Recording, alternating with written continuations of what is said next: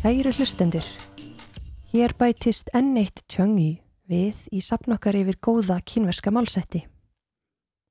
Málsátturinn sem við lítum á í dag er frá tímum tangveldisins, senkt á sjöndu öld.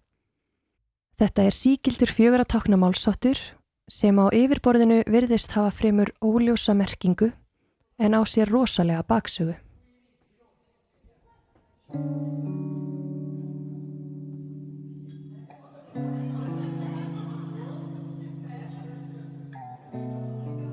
Ég heiti Þorgerður Anna Björnsdóttir og þú ert að hlusta á hlaðvarpið í Östurvegi.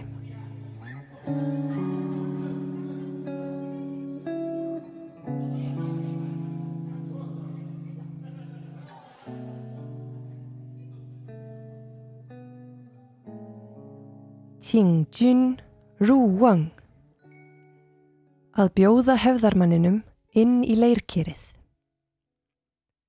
Qing merkir hér að bjóða. Jun er hefðarmadur. Rú þýðir að fara inn í og Wang er einskonar leirker sem geta verið mjög stór, jafnvel það stór að það rúmist manneska innan í. Qingjun Ruwang Að bjóða hefðarmanni inn í leirkér. Já, hérna. Að baki þessara fjögur að tákna hlítur að býða okkar einhver saga. Svo sannarlega og sagan var sögð á tímum songveldisins. Þetta tjöngi er tekið beint upp úr Zizhi Tongjian, sagnfræðilegu meistaraverki Sima Guang og fleiri fræðimanna frá 11. öld sem vörðunast um tveim áratugum við rítun áraðanlegustu sögu Kína frá fornöld.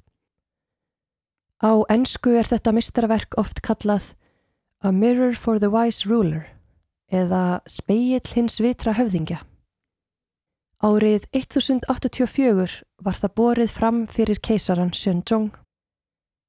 Eitt af handritum sakfræðiverksins Zizhi Tongjian nefnist Tang Ji eða annálar tangveldis og í bókrollu nr. 121 er saga af manni að nafni Zhou Xing. Yfirmaður Zhou Xing var engin önnur en eina keisarænjan í allri þúsund ára löngu sögu Kína sem ríkti á valdastóli í eigin nafni sem keisari ættarveldis. Það voru visslega margar keisarlegar ekkjur sem heldum stjórnartaumana um tíð En engin önnur, ekki einu sinni hinn fræga keisarlega ekja Tsi-Si, gatt sagt að þar heldu aðsta sætinu í ríkistjórninni. Svo eina sem státaði þessum titli var keisareinjan Wu Zetian. Sagan okkar gerist árið 691 eftir Krist. Árið áður hafði Wu Zetian komið að fót sínu eigin Zhou veldi sem stóð í 15 ár eða þar til hún lést árið 705. Þar sem allt veldið samanstóð aðeins af henni einni fær Jóveldi Wuzetian gerðnan gæsalappir utanum heitið ættarveldi. Wuzetian þurfti að riðja mörgum úr vegi til þess að komast til valda. Hún var vægðarlaus og let ekkert stöðva sig til að ná sínu markmiðum. Þegar hún var loks búin að losa sig við alla andstæðinga sína held hún út í mjög áhrifamikilli og ógnveikjandi leinilögreglu.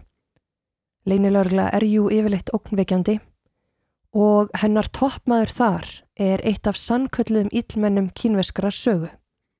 Hann er ekki mjög þekktur en lögreglstjóri þessi, Lai Jun Chun, hafði orðspor á sér fyrir að ná alltaf fram hjáttningum frá ásökuðum einstaklingum. Raunar var það svo að ef þú lendir í pyntingarklefa í hans umsjá var sama hvort þú framdir glæpin eða varst ránglega ásakaður. Allir játuðu. Þótt Útsetjen hefði þegar drepið nánast alla sem gáttu ógnað stöðu hennar, satt hún óróleg á valdastóli sínum í henni fallegu borg Chang'an. Það var nóg af orðrómum í Chang'an um hver væri að plotta gegn hverjum. En einn daginn sagði einhver einhverjum að hann hefði heyrt að Zhou Xing, leinilörglumadur sem nefndur var í byrjun sögunar, hefði verið í leinimakki með herfóringjanum Chiu Seon-ji sem nýlega hafði verið tekin af lífi fyrir að plotta gegn Útsuetjen. Ú keisarinja kallaði Lai Jun-chun á sinn fund í höllinni og sagðist hafa heyrt að Zhou Xing væri að brall eitthvað og að hann skildi rannsaka málið og yfirheyra hann. Zhou Xing starfaði sumsi innan leinileglunar undir Lai Jun-chun og hafði líka fengið á sig óhugnanlegt orðspor fyrir 100% sakvillingar hlutfall sitt og þær aðferðir sem hann notaði til að ná fram hjáttningum.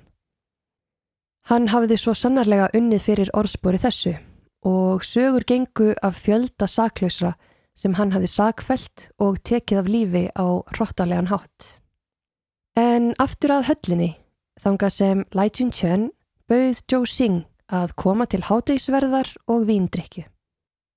Lai Jun-chun og Zhou Xing þekktust auðvitað vel og voru mestu mátar. Lai Jun-chun segi rólega við Zhou Xing Ég hef verið í basli með að ná fram hjáttningum hjá sumum hinna ásökuðu upp á síðkastið. Ég reyni allt en stundum neyta þér samt öllu. Fólk segir að þú sért meistarinn í þessu. Hvað er besta aðferðin þín til að fá fólk til að tala?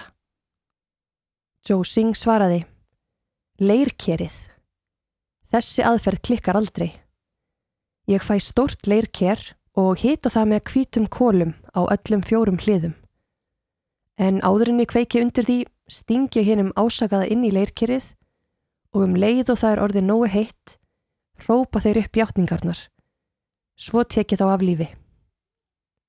Lai Jun Chun svaraði. Snild, mér hefur aldrei dottið þetta í hug.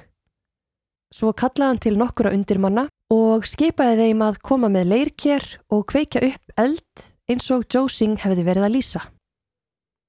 Xing velti fyrir sér Hvað er í gangi núna?